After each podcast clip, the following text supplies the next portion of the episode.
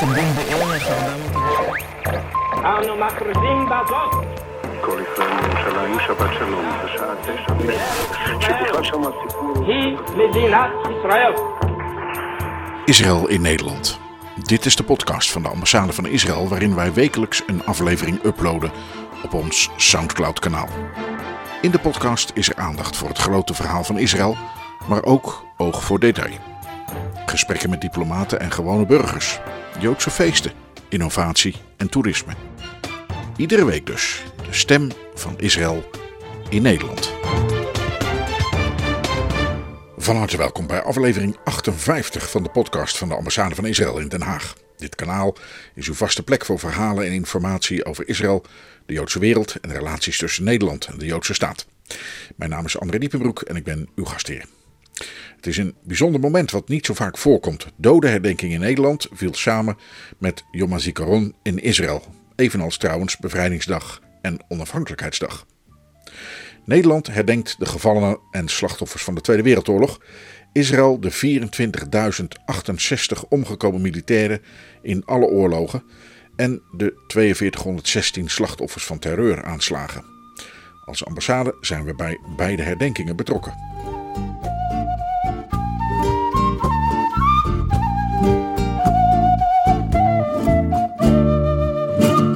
Yom HaZikaron. Iedereen die iets met Israël heeft, weet dat de nationale kalender van de Joodse staat drie Yoms heeft. Allemaal in april-mei.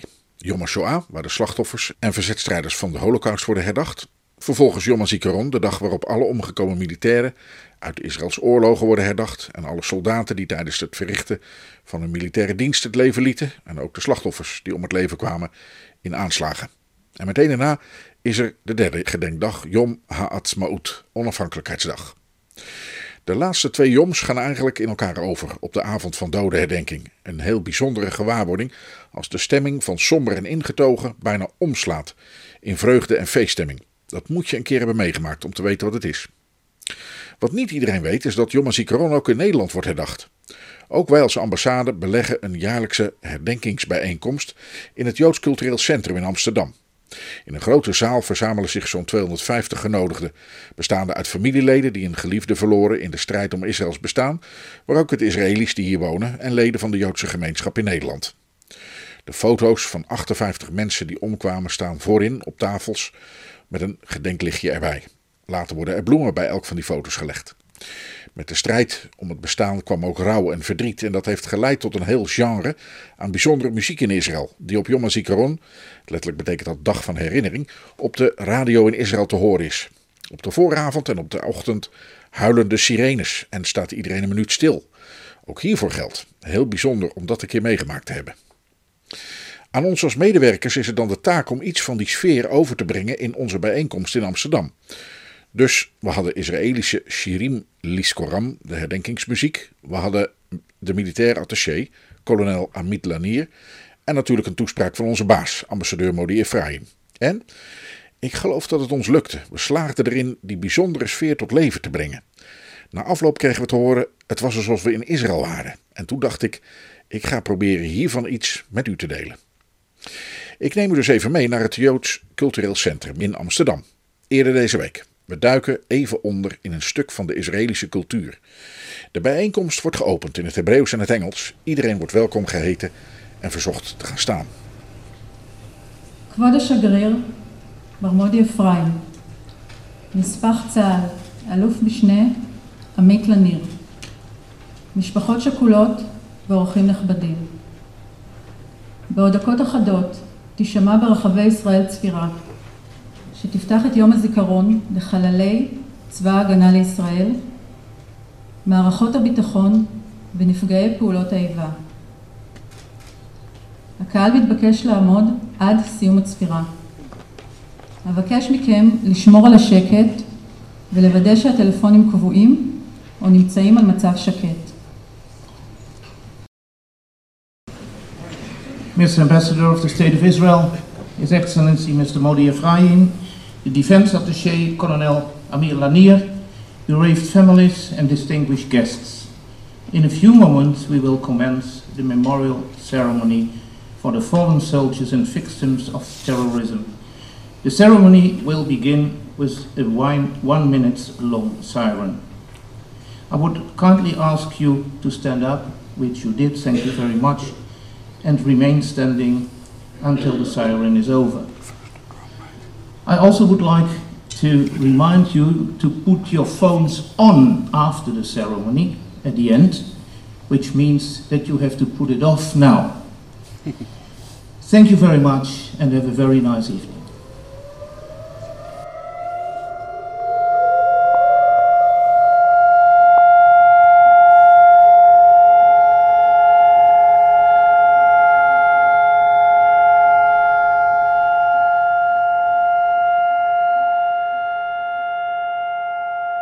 Dan volgt de sirene. Dat was er een van de jaren eerder, die we hadden opgenomen omdat onze herdenking niet samenviel met die in Israël en we konden dus geen sirene laten horen met een liveverbinding.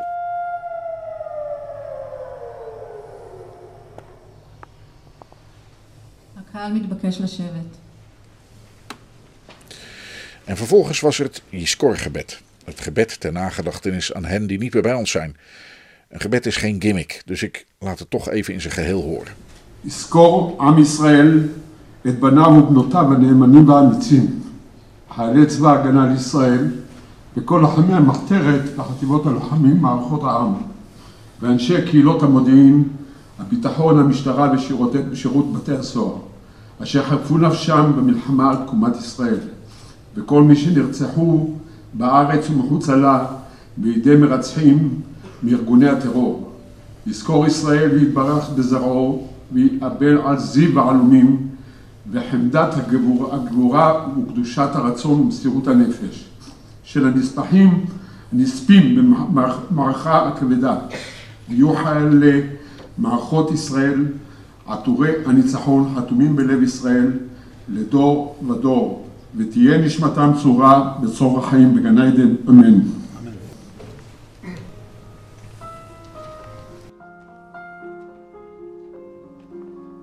Even een korte vertaling. Mogen God de dappere mannen en vrouwen gedenken die het dodelijke gevaar trotseerden in de dagen van strijd, voorafgaand aan de oprichting van de staat Israël, en de soldaten die sneuvelden in de oorlogen van Israël. Mogen het volk van Israël hen koesteren in hun nagedachtenis, laten ze rouwen om de pracht van de jeugd, het altruïsme van de moed, de toewijding en de wil en de waardigheid van de zelfopoffering die op het slagveld eindigde. Mogen de loyale en moedige helden van vrijheid en overwinning voor altijd verzegeld worden in de harten van heel Israël, in deze generatie en voor altijd.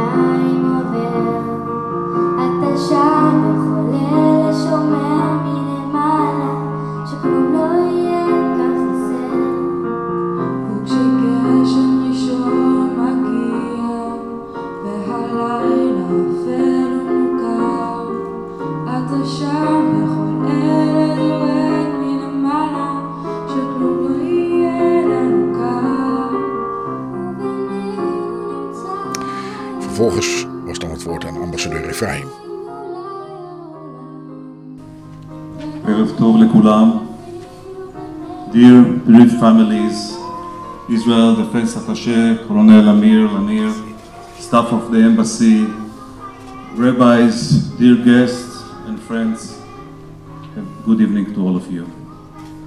The ceremonies marking Yom HaZikaron for our 24,068 fallen soldiers and terror victims will begin tomorrow across Israel. The siren we just heard will sound also in Israel as a signal that united us in all purpose to remember the sacrifice and the unbearable pain of the bereaved families that have lost their loved ones. And I heard some painful stories before the ceremony from your families. And thank you for coming in this important event for all of us.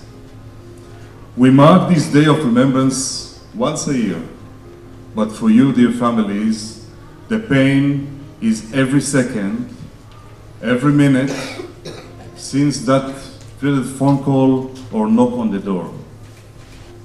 The pain of you, dear families, also made its way all the way to the Netherlands. The 60 bereft families of the Netherlands whose children made Aliyah or volunteer in Israel or had uh, uh, other stories here, came to practice in one of the hospitals in Israel and uh, other that made Aliyah and uh, also converted to Judaism. This, all what they did, your sons, your brothers, and family relatives, is, the, is showing the connection between the state of Israel and the Jewish community here, and not just the Jewish community, the Dutch people as a nation.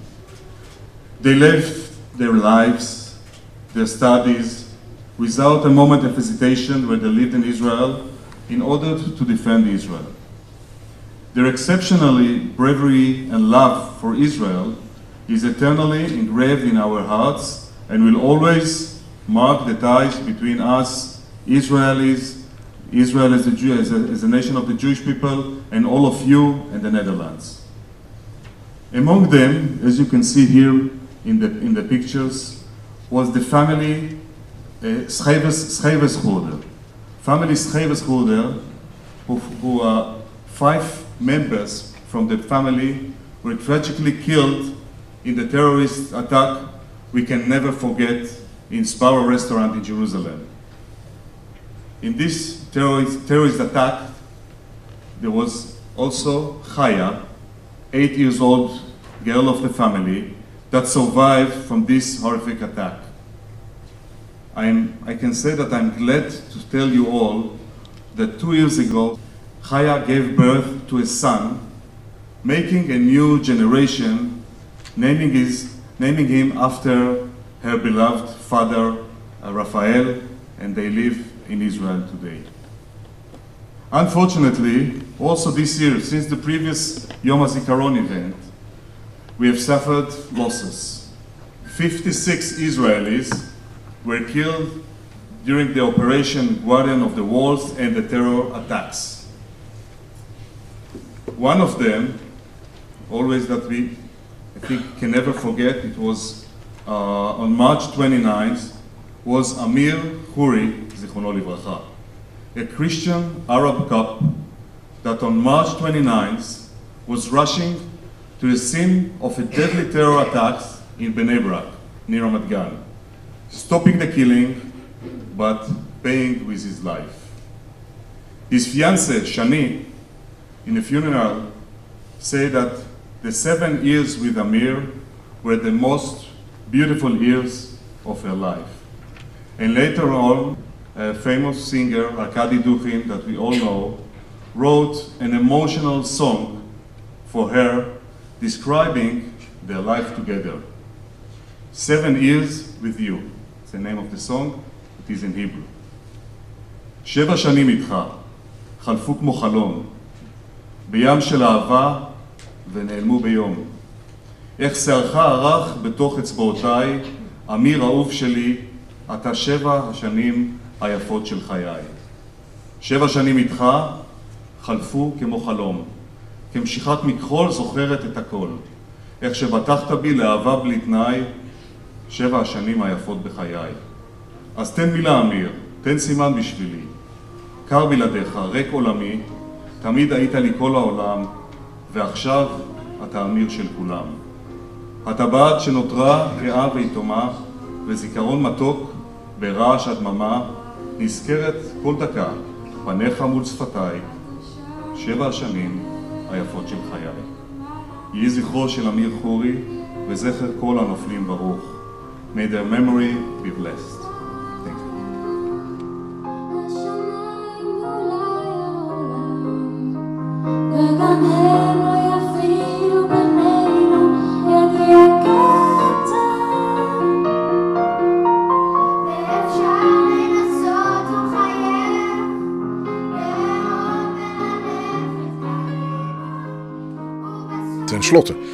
Ook een heel aangrijpend moment. Ieder jaar mag één van de families die een geliefde hebben verloren het woord voeren namens alle getroffen families. En dit jaar viel die taak te beurt aan de heer Rien Verpiest, die zijn zoon verloor in een bomaanslag in 1995.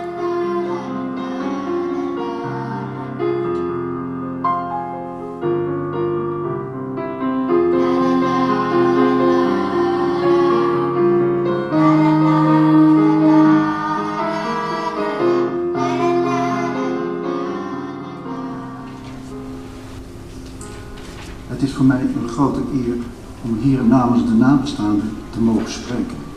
Dank u daarvoor. Het is inmiddels 27,5 jaar geleden dat de wereld voor mij en mijn familie op zijn kop stond. 27,5 jaar geleden, bijna vergeten zou je zeggen. Maar in mijn gevoel alsof het gisteren was. Renier, mijn zoon, studeerde fysiotherapie. Voor zijn stage besloot hij drie maanden als vrijwilliger te gaan werken in het Leuvenstein Rehabilitation Hospital in Tel Aviv. Na drie maanden, succesvol, zat het erop en hij zou met een vriend samen nog een weekje vakantie gaan houden. Zijn vriend kwam op die 19e oktober, 's morgens vroeg, in 1994 op het vliegveld aan. Maar Renier stond hem niet op te wachten. Renier kwam niet. Niemand wist waar hij was. Ook zijn hospita niet. Hij was die avond zonder bericht niet thuisgekomen. Men werd zeer ongerust. Immers, er was op die dag in de Dizekov Street een terroristische aanslag geweest op buslijn 5. Waarbij 21 mensen brut het leven ontnomen werd. De andere dag, 24 uur later precies, kwam het noodlottige bericht bij mij. Reinier was een van de slachtoffers. Achteraf pas bleek dat hij niet in de bus zat, maar op de straat ernaast stond. Zijn lichaam werd dan ook niet in of nabij de bus gevonden, maar meters verderop geslingerd, in stukken, besmeurd en geblakerd. Het is jaren slecht met mij gegaan, maar mijn vrouw, mijn familie en de warme betrokkenheid van de Joodse gemeenschap hebben me geholpen. Ik ben er niet trots op om te zeggen dat ik ervaringsdeskundige ben. In verdriet en rouw. Van de pijn die elke nabestaande moet meemaken wanneer een kind of geliefde op brute wijze het slachtoffer wordt van oorlogsgeweld of terrorisme. Het is 27,5 jaar geleden en de pijn is niet alledaags meer, maar het gemis blijft. Het is een zware opgave voor alle nabestaanden die hun dierbaren moeten missen. Zij die hun leven hebben gegeven voor de vrede, voor de strijd voor vrede. Hun namen dienen genoemd te worden, telkens weer, want zij deden en doen er nog steeds toe. God bless you. Thank you.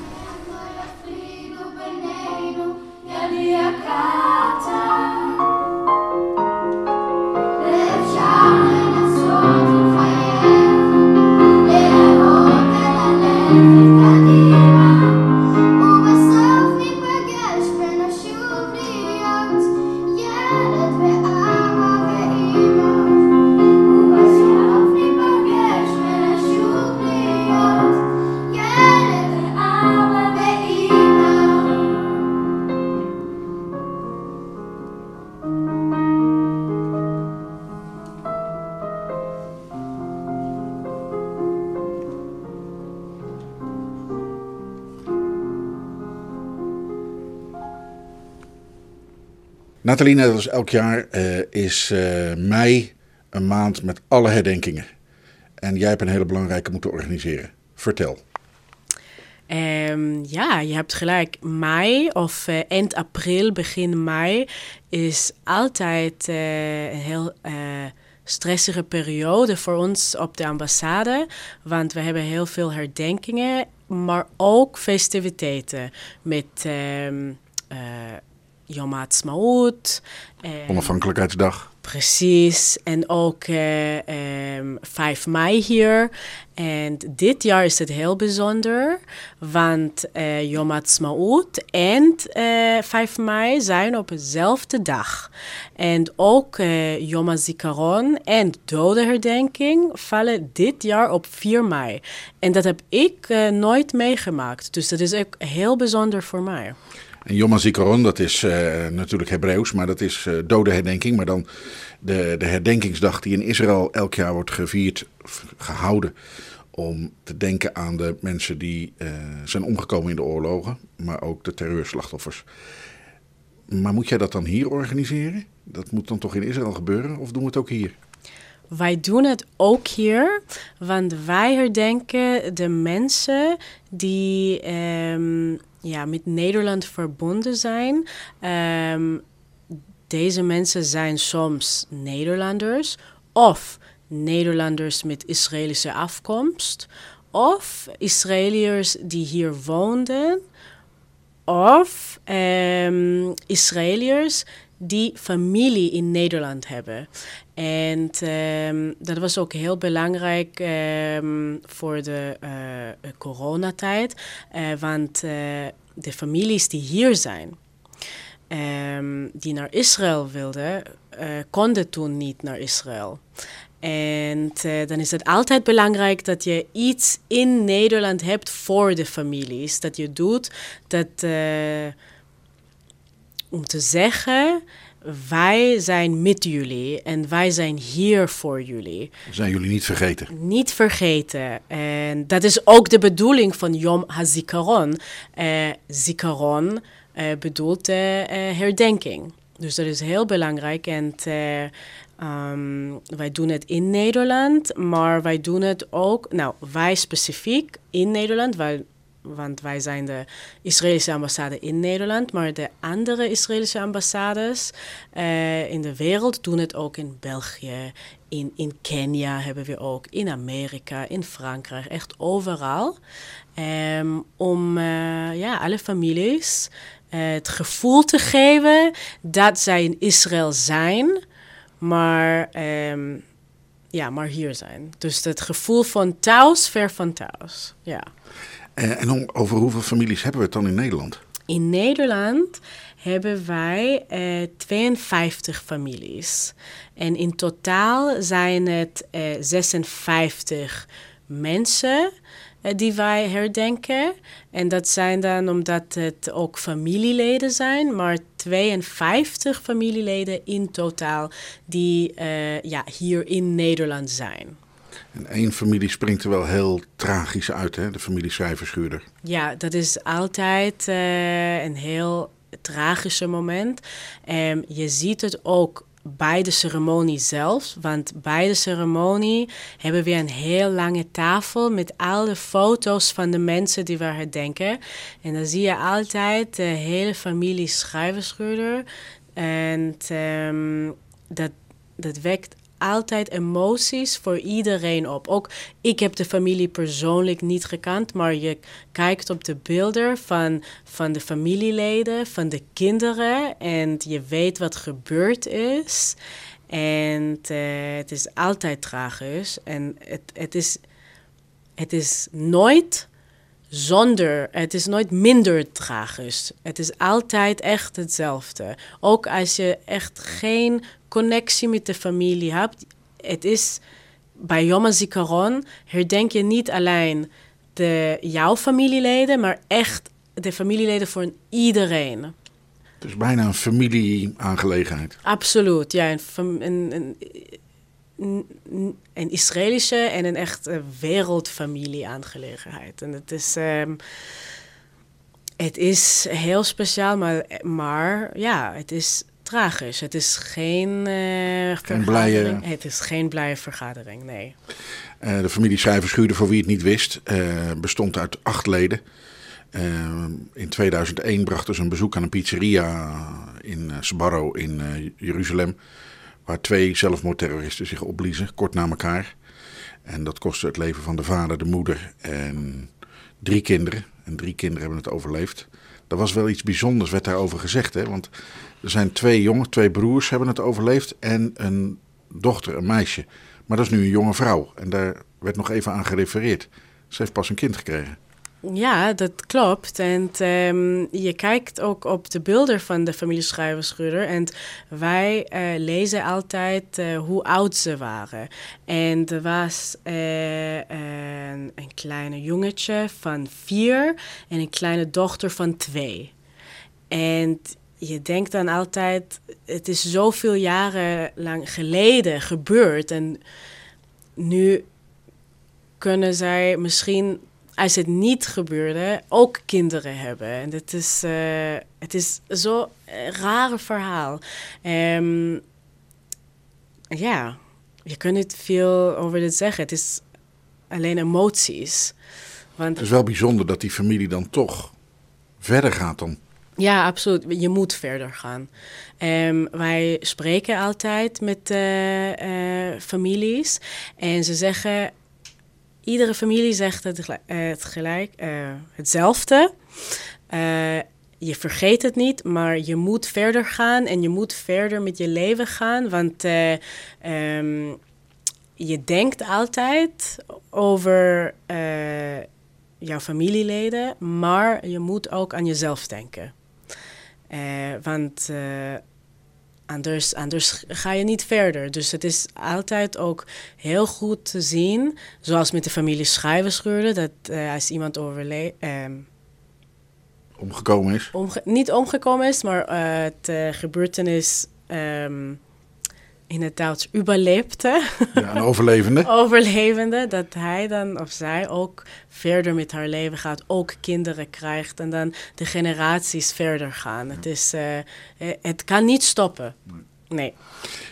Jij hebt het georganiseerd. Hoe, hoe gaat het in zijn werk, zo'n zo'n avond? Zo'n avond uh, ja, bestaat uit heel veel delen. Uh, wij beginnen altijd met de locatie. En uh, wij doen het in het Joods Cultureel Centrum in Amsterdam. Um, wij hebben daar heel goede collega's die het heel belangrijk vinden zo'n ceremonie ook uh, ja, op te bouwen en alles. Um, wij nemen contact op met de Joodse muziekschool hier in Amsterdam. En uh, wij vragen altijd op de kinderen die hier op school gaan, de Joodse school, in Maimonides en in Rospina, uh, of zij um, uh, liedjes zingen willen voor de ceremonie. En dat doen zij altijd graag. En dat wekt ook zoveel emoties. Want het is een mix van Nederlanders en Israëliërs. Het is een heel, heel mooie mix.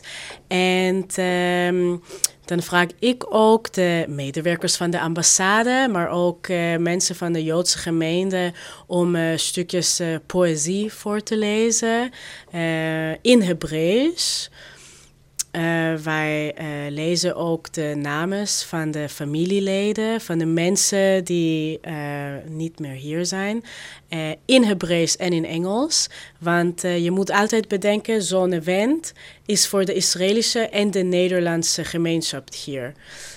dus wij houden de helft van het evenement in Hebreeuws en ook in Engels, zodat iedereen het verstaat en voordat het iedereen ook belangrijk is. En, hele lange tafel met al die foto's. Uh, en er staat dan een kaarsje brand erbij, een uh, Ner Shama. Um, en dan uh, op een gegeven moment, is ook altijd een heel indrukwekkend moment, dan worden er bloemen gelegd. Als wij de uh, namen van de mensen voorlezen die omgekomen zijn, dan brengt um, één, kind per foto een rode roos. En naast de kaarsen en naast de foto van de, van de familieleden. En dat is altijd ook heel indrukwekkend. En je ziet ook dat pas na de ceremonie de familieleden naar de tafel komen met de foto's en dan de bloemetjes meer naar huis nemen. En dat, dat is heel indrukwekkend. Het wekt zoveel emoties. En het is ook qua, qua sfeer net of je in Israël bent, hè? Dat is het aparte. Dat, dat lukt dus om die sfeer te krijgen. We spraken eh, nog, eh, nog diplomaten die eh, nou ja, gewoon geëmotioneerd waren en zeiden het was net of ik thuis, was. Ja, en het is eh, misschien een beetje eh, raar voor eh, niet-Israëliërs te begrijpen, want ik ben zelfs ook niet eh Israëliër. Dus ik, ik, eh, mm, ik, heb, ik weet niet hoe zo'n Yom HaZikaron uitziet in Israël, maar ze zeggen altijd, de Israëliërs hier, dat het een echt trieste dag is en het wekt heel veel emoties over. En zij weten nooit, nou, hoe is het zo'n Yom HaZikaron eh, ceremonie te hebben in het buitenland. En je wilt het altijd ook heel belangrijk voor de families en de Israëliërs maken, want het is echt een hele trieste dag. En als je dan hoort van diplomaten en Israëliërs dat het net zo voelt als in Israël, dan weet je dat je iets belangrijkers hebt gedaan. 24.000 militairen, meer dan 24.000 militairen zijn omgekomen eh, voor, om Israël te laten overleven. Ruim 4.000 slachtoffers van terrorisme. Het heeft wel veel gekost, hè? Het heeft heel veel gekost en daarvoor zijn we heel dankbaar. En daarom hebben we ook de dag daarna, de Yom HaAtzmaut-viering, om, om te vieren wat deze helden voor ons gedaan hebben en nog steeds voor ons doen. Hè. Dat is niet dat wij uh, iets herdenken dat, wa- uh, dat heel lang geleden gebeurde. Het gebeurt nog steeds, wat ook triest is. Maar wij, wij, denk, wij ja, spreken ons dank uit, elke jaar, maar ook elke dag natuurlijk, dat wij Yom HaAtzmaut vieren kunnen en dat de staat Israël bestaat. Want zonder hun en zonder hun uh, ja, werk en heroïsme uh, weet ik persoonlijk niet hoe de staat Israël um, ja, nog, nog staan kan. Um, ja. Dus het is uh, altijd, het is nog een iedere dag gevecht. Nou is het een heleboel werk, dat hoef ik jou niet uit te leggen. Er moet heel veel georganiseerd worden. Er moet met muzikanten moet contact zijn. Er moet met families van alles en nog wat. De militair attaché uit Brussel moet komen. Al die dingen. Um, als we even het hele, de stress en het werk even opzij schuiven. Is het een bijzonder moment voor jou om dat te organiseren elk jaar? Het is heel bijzonder en um, wij doen het, of ik doe het voor de families. Dus je hebt heel veel stress, maar dat heb je echt met elk evenement. Maar je moet ook denken, het gaat niet om jou, het gaat niet om, om de gemeenschap, het gaat om de familieleden. En, en als je hoort wat deze familieleden uh, meemaken en nog dagelijks meemaken, dan zeg je, weet je, vergeet de stress, want uh, zij, they deserve everything zeg ik maar zo uitleggen. Echt. En het is altijd belangrijk. En het is ook belangrijk te zien dat echt kinderen komen van uh, generaties. En dan dat ze zien wat hun familieleden alles gedaan hebben. En dat is heel bijzonder, want dat heb je in geen ander land.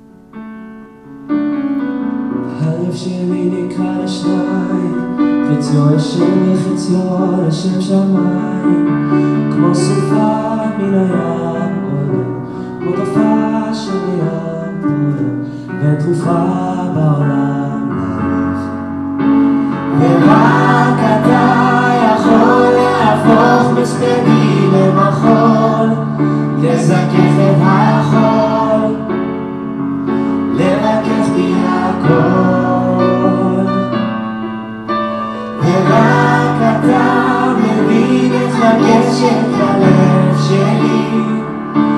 jak jest w ziemi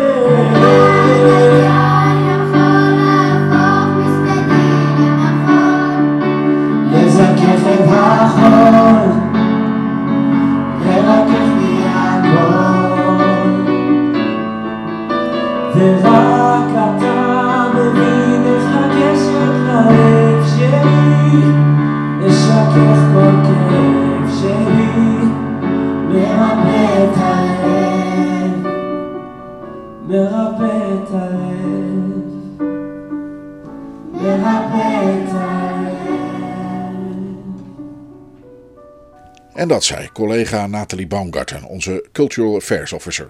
De muziek die u hoorde werd verzorgd door Concertino Muziekonderwijs. En het betrof de nummers Halev Sheli, Mijn Hart, en Yelet We Abba We Ima, het kind, vader en moeder.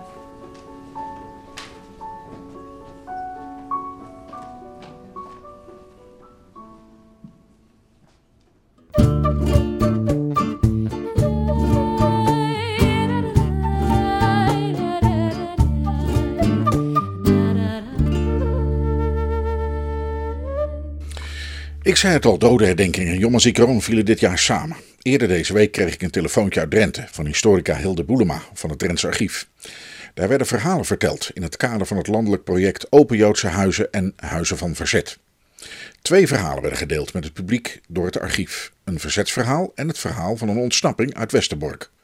En over dat laatste verhaal sprak ik met Hilde Boelema.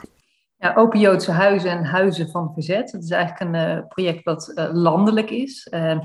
Landelijk worden, dus een paar jaar geleden is dat ontstaan, dat project. En er worden, het idee erachter was van in huizen waar Joodse mensen of verzetsmensen hebben gewoond, gewerkt en naar school gingen om daar persoonlijke verhalen te vertellen op die plek om toch een soort extra belevenis te krijgen van hier woonden ze inderdaad, in dit huis, hier sliepen ze, hier, hier werkten ze. Hier is gebeurd, ja, hier is gebeurd. Om dat, dat, gevoel erbij um, bij te krijgen.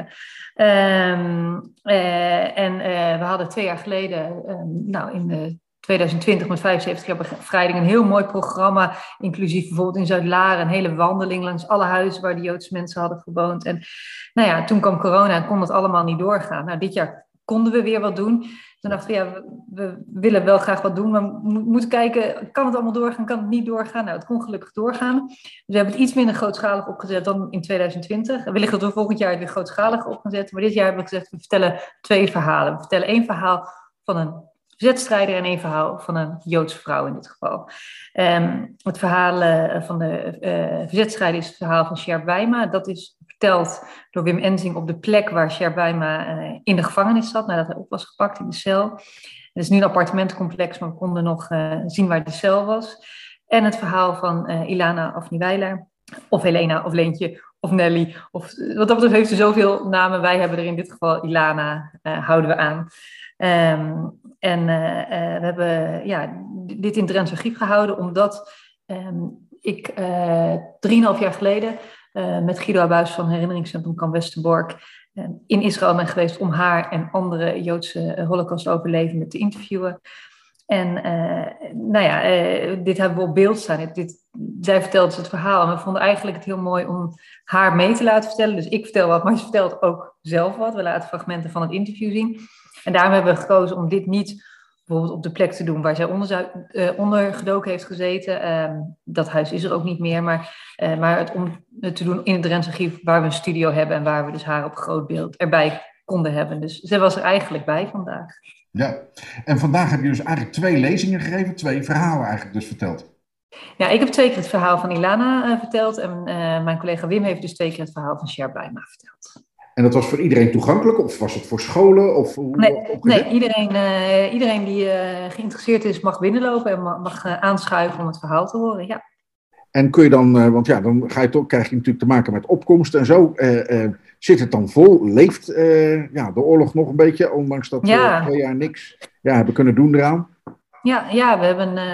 Um, we hebben bij mij, bij de lezing over Ilana, waren er uh, de eerste keer 25 en de tweede keer 20 mensen. Um, bij de lezing over Sherbaima uh, waren er nou, um, dus ook op 15. En eh, daarnaast hebben we nog een eh, stadswandeling eh, door Assen gehouden, door Joods Assen. Dat is daarna gebeurd.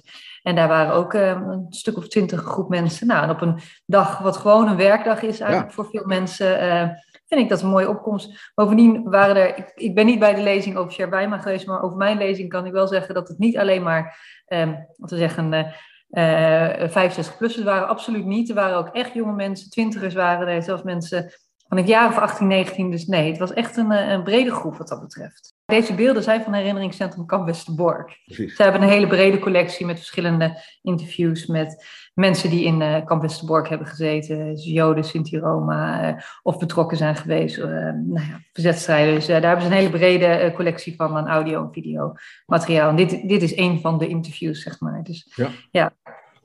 Ehm, nou heb je natuurlijk, als je zo'n project gaat doen, en nu na corona kan dat dus weer, dus dan moet je maar toch beperkt, zeg je. Dus we doen twee verhalen. En dan moet je gaan kiezen uit, nou, de brede collectie die je net al beschrijft, zeg maar. Wat, eh, hoe doe je dat dan eigenlijk? Waarom koos je voor deze twee verhalen? Ehm, nou, uh, Sherbaima was, konden we op de plek zelf zijn. Dus dat was eh, eh, nou, een eh, ja, eh, makkelijke keuze voor ons. En eh, mijn collega Wim heeft eh, erg veel over hem eh, gelezen en gepubliceerd. En dus dit, ja, hij kan daar heel goed over vertellen. Die stond ook al twee jaar geleden op de planning. Eh, deze niet, die hebben we eh, dit jaar bedacht. Eh, en we wilden graag een verhaal, omdat we, wij ehm, proberen als Drentse Grief echt eh, nou, regelmatig dus persoonlijke verhalen te vertellen. En, eh, dus dit wilden we weer persoonlijk maken, maar we wilden wel een link met Drenthe ook. Ehm, en omdat eh, Ilana of Nieuwijler eh, ontsnapte uit Westerbork en opgevangen is door een Drentse familie, was er ook echt, door twee Drentse familie is eigenlijk, er was ook echt een, een, duidelijke link met Drenthe. Dat is voor ons als Drentse Grief in deze eh, belangrijk. Daarnaast vind ik zelf het verhaal, omdat ik haar zelf ontmoet heb, natuurlijk sowieso bijzonder. Ik, een bijzondere familie, een hele warme familie. Ehm, maar ik vind haar ook altijd een beetje een pionier. Ehm, ze is, als je even naar haar latere leeftijd kijkt, is zij ook als een pionier naar Israël gegaan. Heeft zij daar een van de eerste Zionisten die daar kwam als vrouw. Ja, het, is gewoon echt een bijzondere eh, vrouw. Ehm, en eh, dit verhaal, het is een ontsnappingsverhaal. Eh, en dan denk je, nou, ze is ontsnapt uit Westerbork. Ja, dat kan. Maar er zijn ongeveer 300, slechts 300 mensen ontsnapt uit Westerbork. En dan kun, kun je nog zeggen, oh, dat is nog best veel. Maar als je bedenkt dat er in Westerbork eh 107.000 mensen hebben gezeten. En er zijn er maar 300 ontsnapt. Dan hoort zij tot een hele kleine groep die dat heeft gedurfd. Eh, en dan ook nog als vrouw, een 19-jarig meisje eigenlijk, eh, gezegd, ik, ik, ik ga niet mee op dit transport, ik probeer te ontsnappen ja, dat, dat verhaal, die, die kracht, die moed, ja, daar spreekt dit verhaal me wel eh, echt heel erg aan. En ehm, ja, dat is wel een reden waarom we voor haar hebben eh, eh, gekozen om dit verhaal te vertellen. Eh, ja. Dat zei Hilde Boelema van het Drentse Archief. Omdat zij eerder werkte bij herinneringscentrum Kamp Westerbork, mocht zij putten uit de collectie verhalen die daar worden bewaard. We gaan luisteren naar de ontsnapping van Ilana Afnieweiler uit het doorgangskamp. Dat gebeurde in september 1944 als Leentje Weiler, destijds 19 jaar oud, heeft te horen gekregen dat iedereen gedeporteerd zal worden naar het oosten.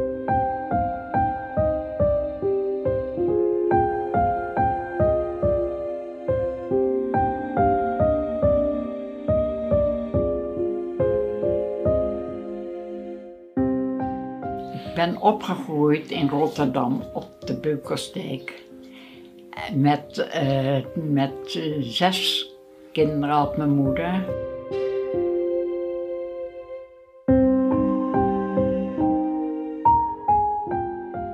Wij moesten om de school uit, maar ze op de Rotterdam was toch het hele centrum afgebombardeerd en er bleef één gebouw staan. En dat hebben ze gegeven als school voor ons, voor de niet-Joodse. En moeder zei ons vanmorgen salon. En ze heeft nooit laten zien hoe ze bang was. Ze heeft dat nooit laten zien. Als ik nu eraan denk, met alle, af, alle keren dat ze in, plotseling in de straat alle Joden oppakte en alles. Ze heeft dat nooit aan ons laten zien, de angst.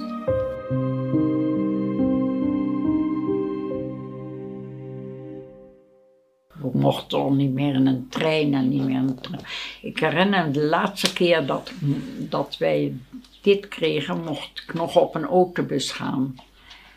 En eh, een gajal, een Duitse gajal die daar was, die schaamde zich en die zei: Alsjeblieft, op die manier ga jij voor.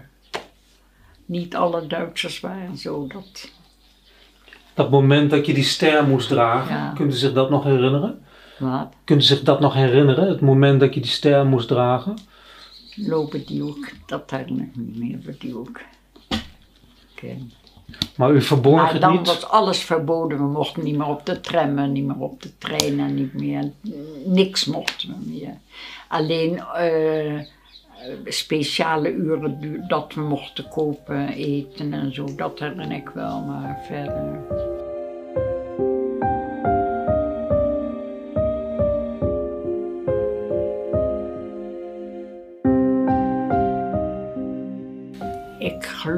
Ik herinner me alleen maar hoe ik gekomen ben.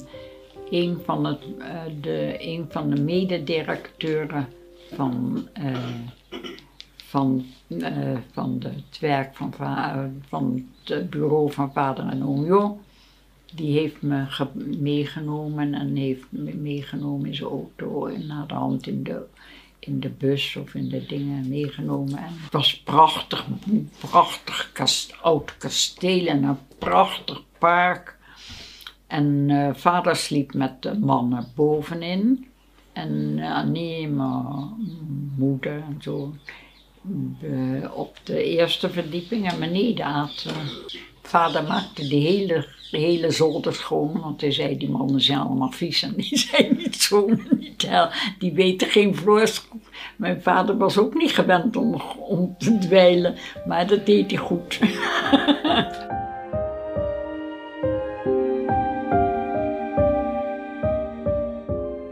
We werden allemaal, kregen we één groot, groot barak met, eh, met een eentje van ons, die werd de moeder van de barak. En mijn tante met de vi- vier meisjes, vier kinderen, die kwam ook daar aan. En ik sliep op, op een bed daar tegenover.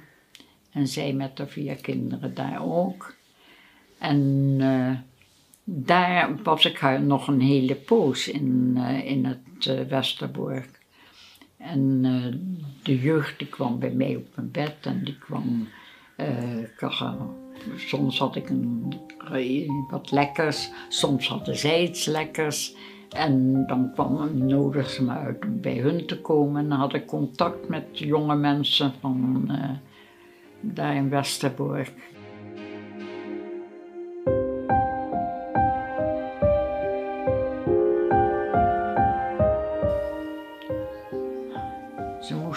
Ze gingen alle barakken rond of er iemand bleef.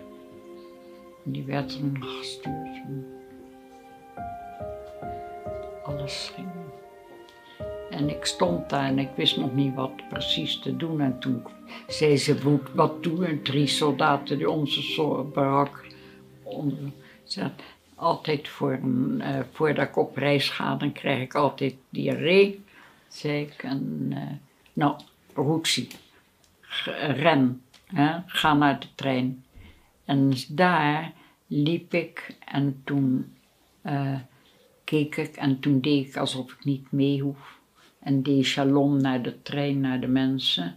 En rondom en ik ging naar de barakken van het hele grote terrein van barakken van zieken, ziekenbarakken. En waar ik ook werkte overdag. En ik rende door erheen naar de waar ik werkte al die dagen.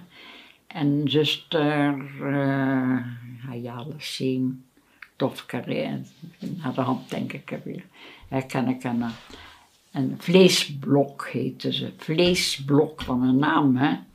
En zei, oei, je, je, ver, ver, eh, je, je galoen sturen mij. Ik zeg, nee, niemand vindt mij, zeg ik. En ik dook onder, er was een grote tel met alle lege bedden die ze gelegen hadden met alle infecties, want ik werkte in de infectiebarak.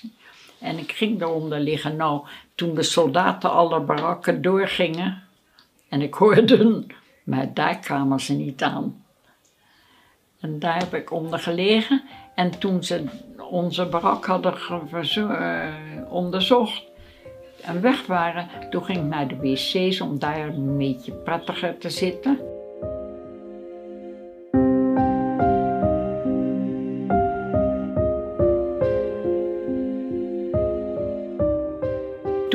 Ik s'nachts onder de, met de jongen onder het prikkeldraad door eruit gegaan.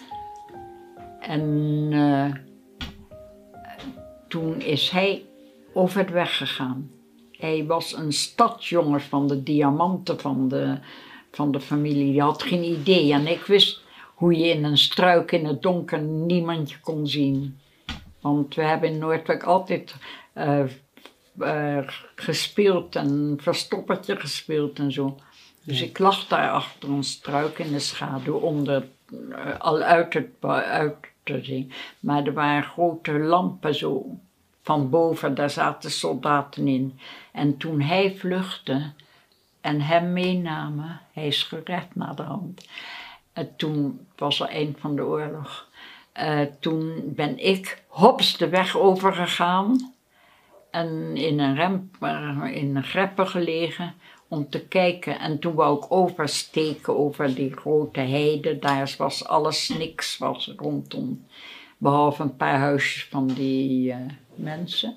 En ik ging, daar in een greppen en ik wou over, overgaan. Ik dacht, ik zie de huisjes daar in de verte. Ze, ze zullen me zeker niet terugsturen, maar zullen me wat te eten geven en ik zal me wel ergens weer stoppen. We zullen verder zien.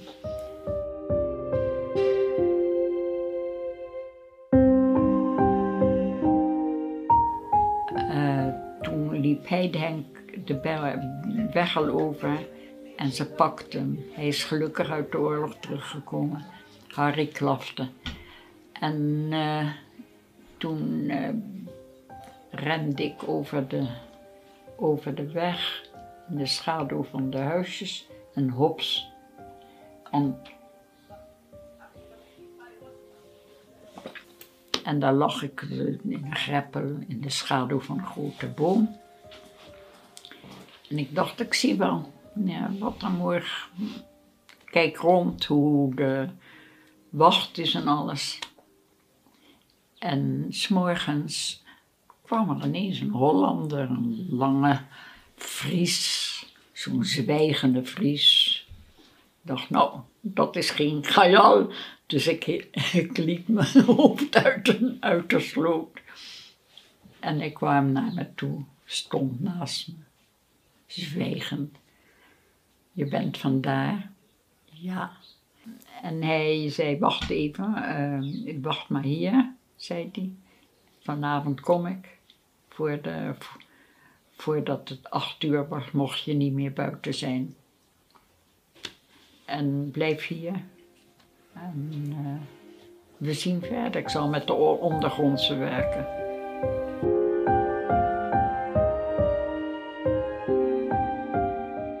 De kinderen zagen me niet.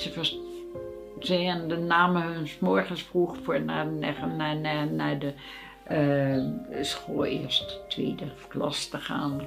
Kleine kinderen, jongens.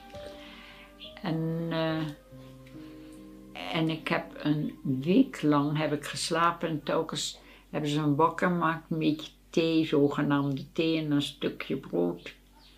En toen, werd ik, toen begreep ik wat ik daar doe. Ik zeg, dat wil ik niet. Ik wil niet slapen. En zei ze, overnacht na acht uur kon ik naar het eetkamertje aan de voorkant. Was het laatste huis van het dorp. En eh, daar eh, sliep ik s'nachts en s'morgens dan ging ik naar hun. hun eh, maar een week lang heb ik geslapen. Ze hebben me alleen maar wakker gemaakt om een beetje wat te drinken te geven. Was ze zo moe? Ja, ik denk dat vermoeien van, van emotie, denk ik. Want ik ben niet zo'n zo eentje die slaapt de hele tijd. u, u bent daar uiteindelijk niet gebleven. U bent naar een andere plek gegaan. Nee, ik ben daar wel gebleven. Tot- Ik heb daar, de jongens hebben het nooit geweten, maar overdag hebben ze, sliep ik over, over een avond en nacht na achten, dan kwam niemand meer. Het was ook het laatste huis van de dingen. Was ik in de slaapkamer na de hand.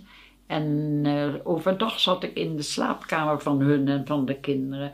En ik zat daar van oude kleren, nieuwe kleren voor de kinderen te maken en zo. Ik had toevallig een cursus voor, voor naaien gehad. Dus ik begreep een beetje. En ik schilde de, de aardappels en ik, wat ik kon.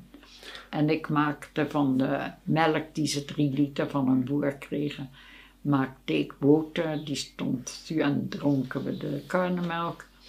En toen brak ik dat ene mooie grote ding waar ze die boter in maakten, die brak ik. En ik, nou dat was voor mij.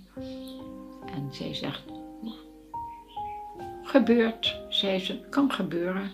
Ze is nooit boos geweest. Dat is die Tina, dat was een engel. Een engel in een engel.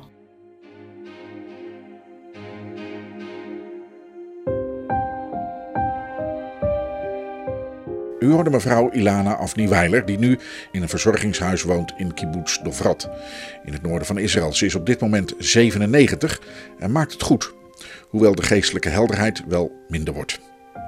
En van dit interview uit de collectie van het herinneringscentrum Kamp Westerbork hebben het Drentse Archief en onze podcast dankbaar gebruik mogen maken. Ik zei u al dat ik dit verhaal op het spoor kwam na een telefoontje van de historica Hilde Boelema, die mijn nummer van een van mijn goede vrienden had gekregen. Ilana Avni is namelijk zijn moeder en ik heb haar hele verhaal, ook hoe ze in Israël terecht is gekomen en hoe dat was, jaren geleden al eens opgenomen en eigenlijk nooit uitgezonden. Zo heb ik ook het dagboek van Ilana's vader in mijn bezit.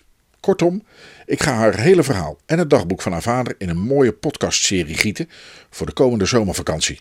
Blijft u dus dit kanaal volgen. Wij komen hiermee dan toch wel aan het einde van deze aflevering van Israël in Nederland.